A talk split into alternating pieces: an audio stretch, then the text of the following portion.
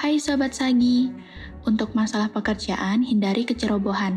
Pastikan lagi jangan sampai ada kesalahan yang luput dari pantauanmu. Anyway, di minggu ini energi positifmu cukup banyak. Kamu bisa manfaatkan itu untuk membantu orang di sekitarmu. Jadi cobalah untuk lebih peka terhadap sekitar ya. Percintaan untuk Sobat Sagi Lovebird. Hubungan kalian sedang damai minggu ini. Kalian benar-benar sedang dimabuk asmara.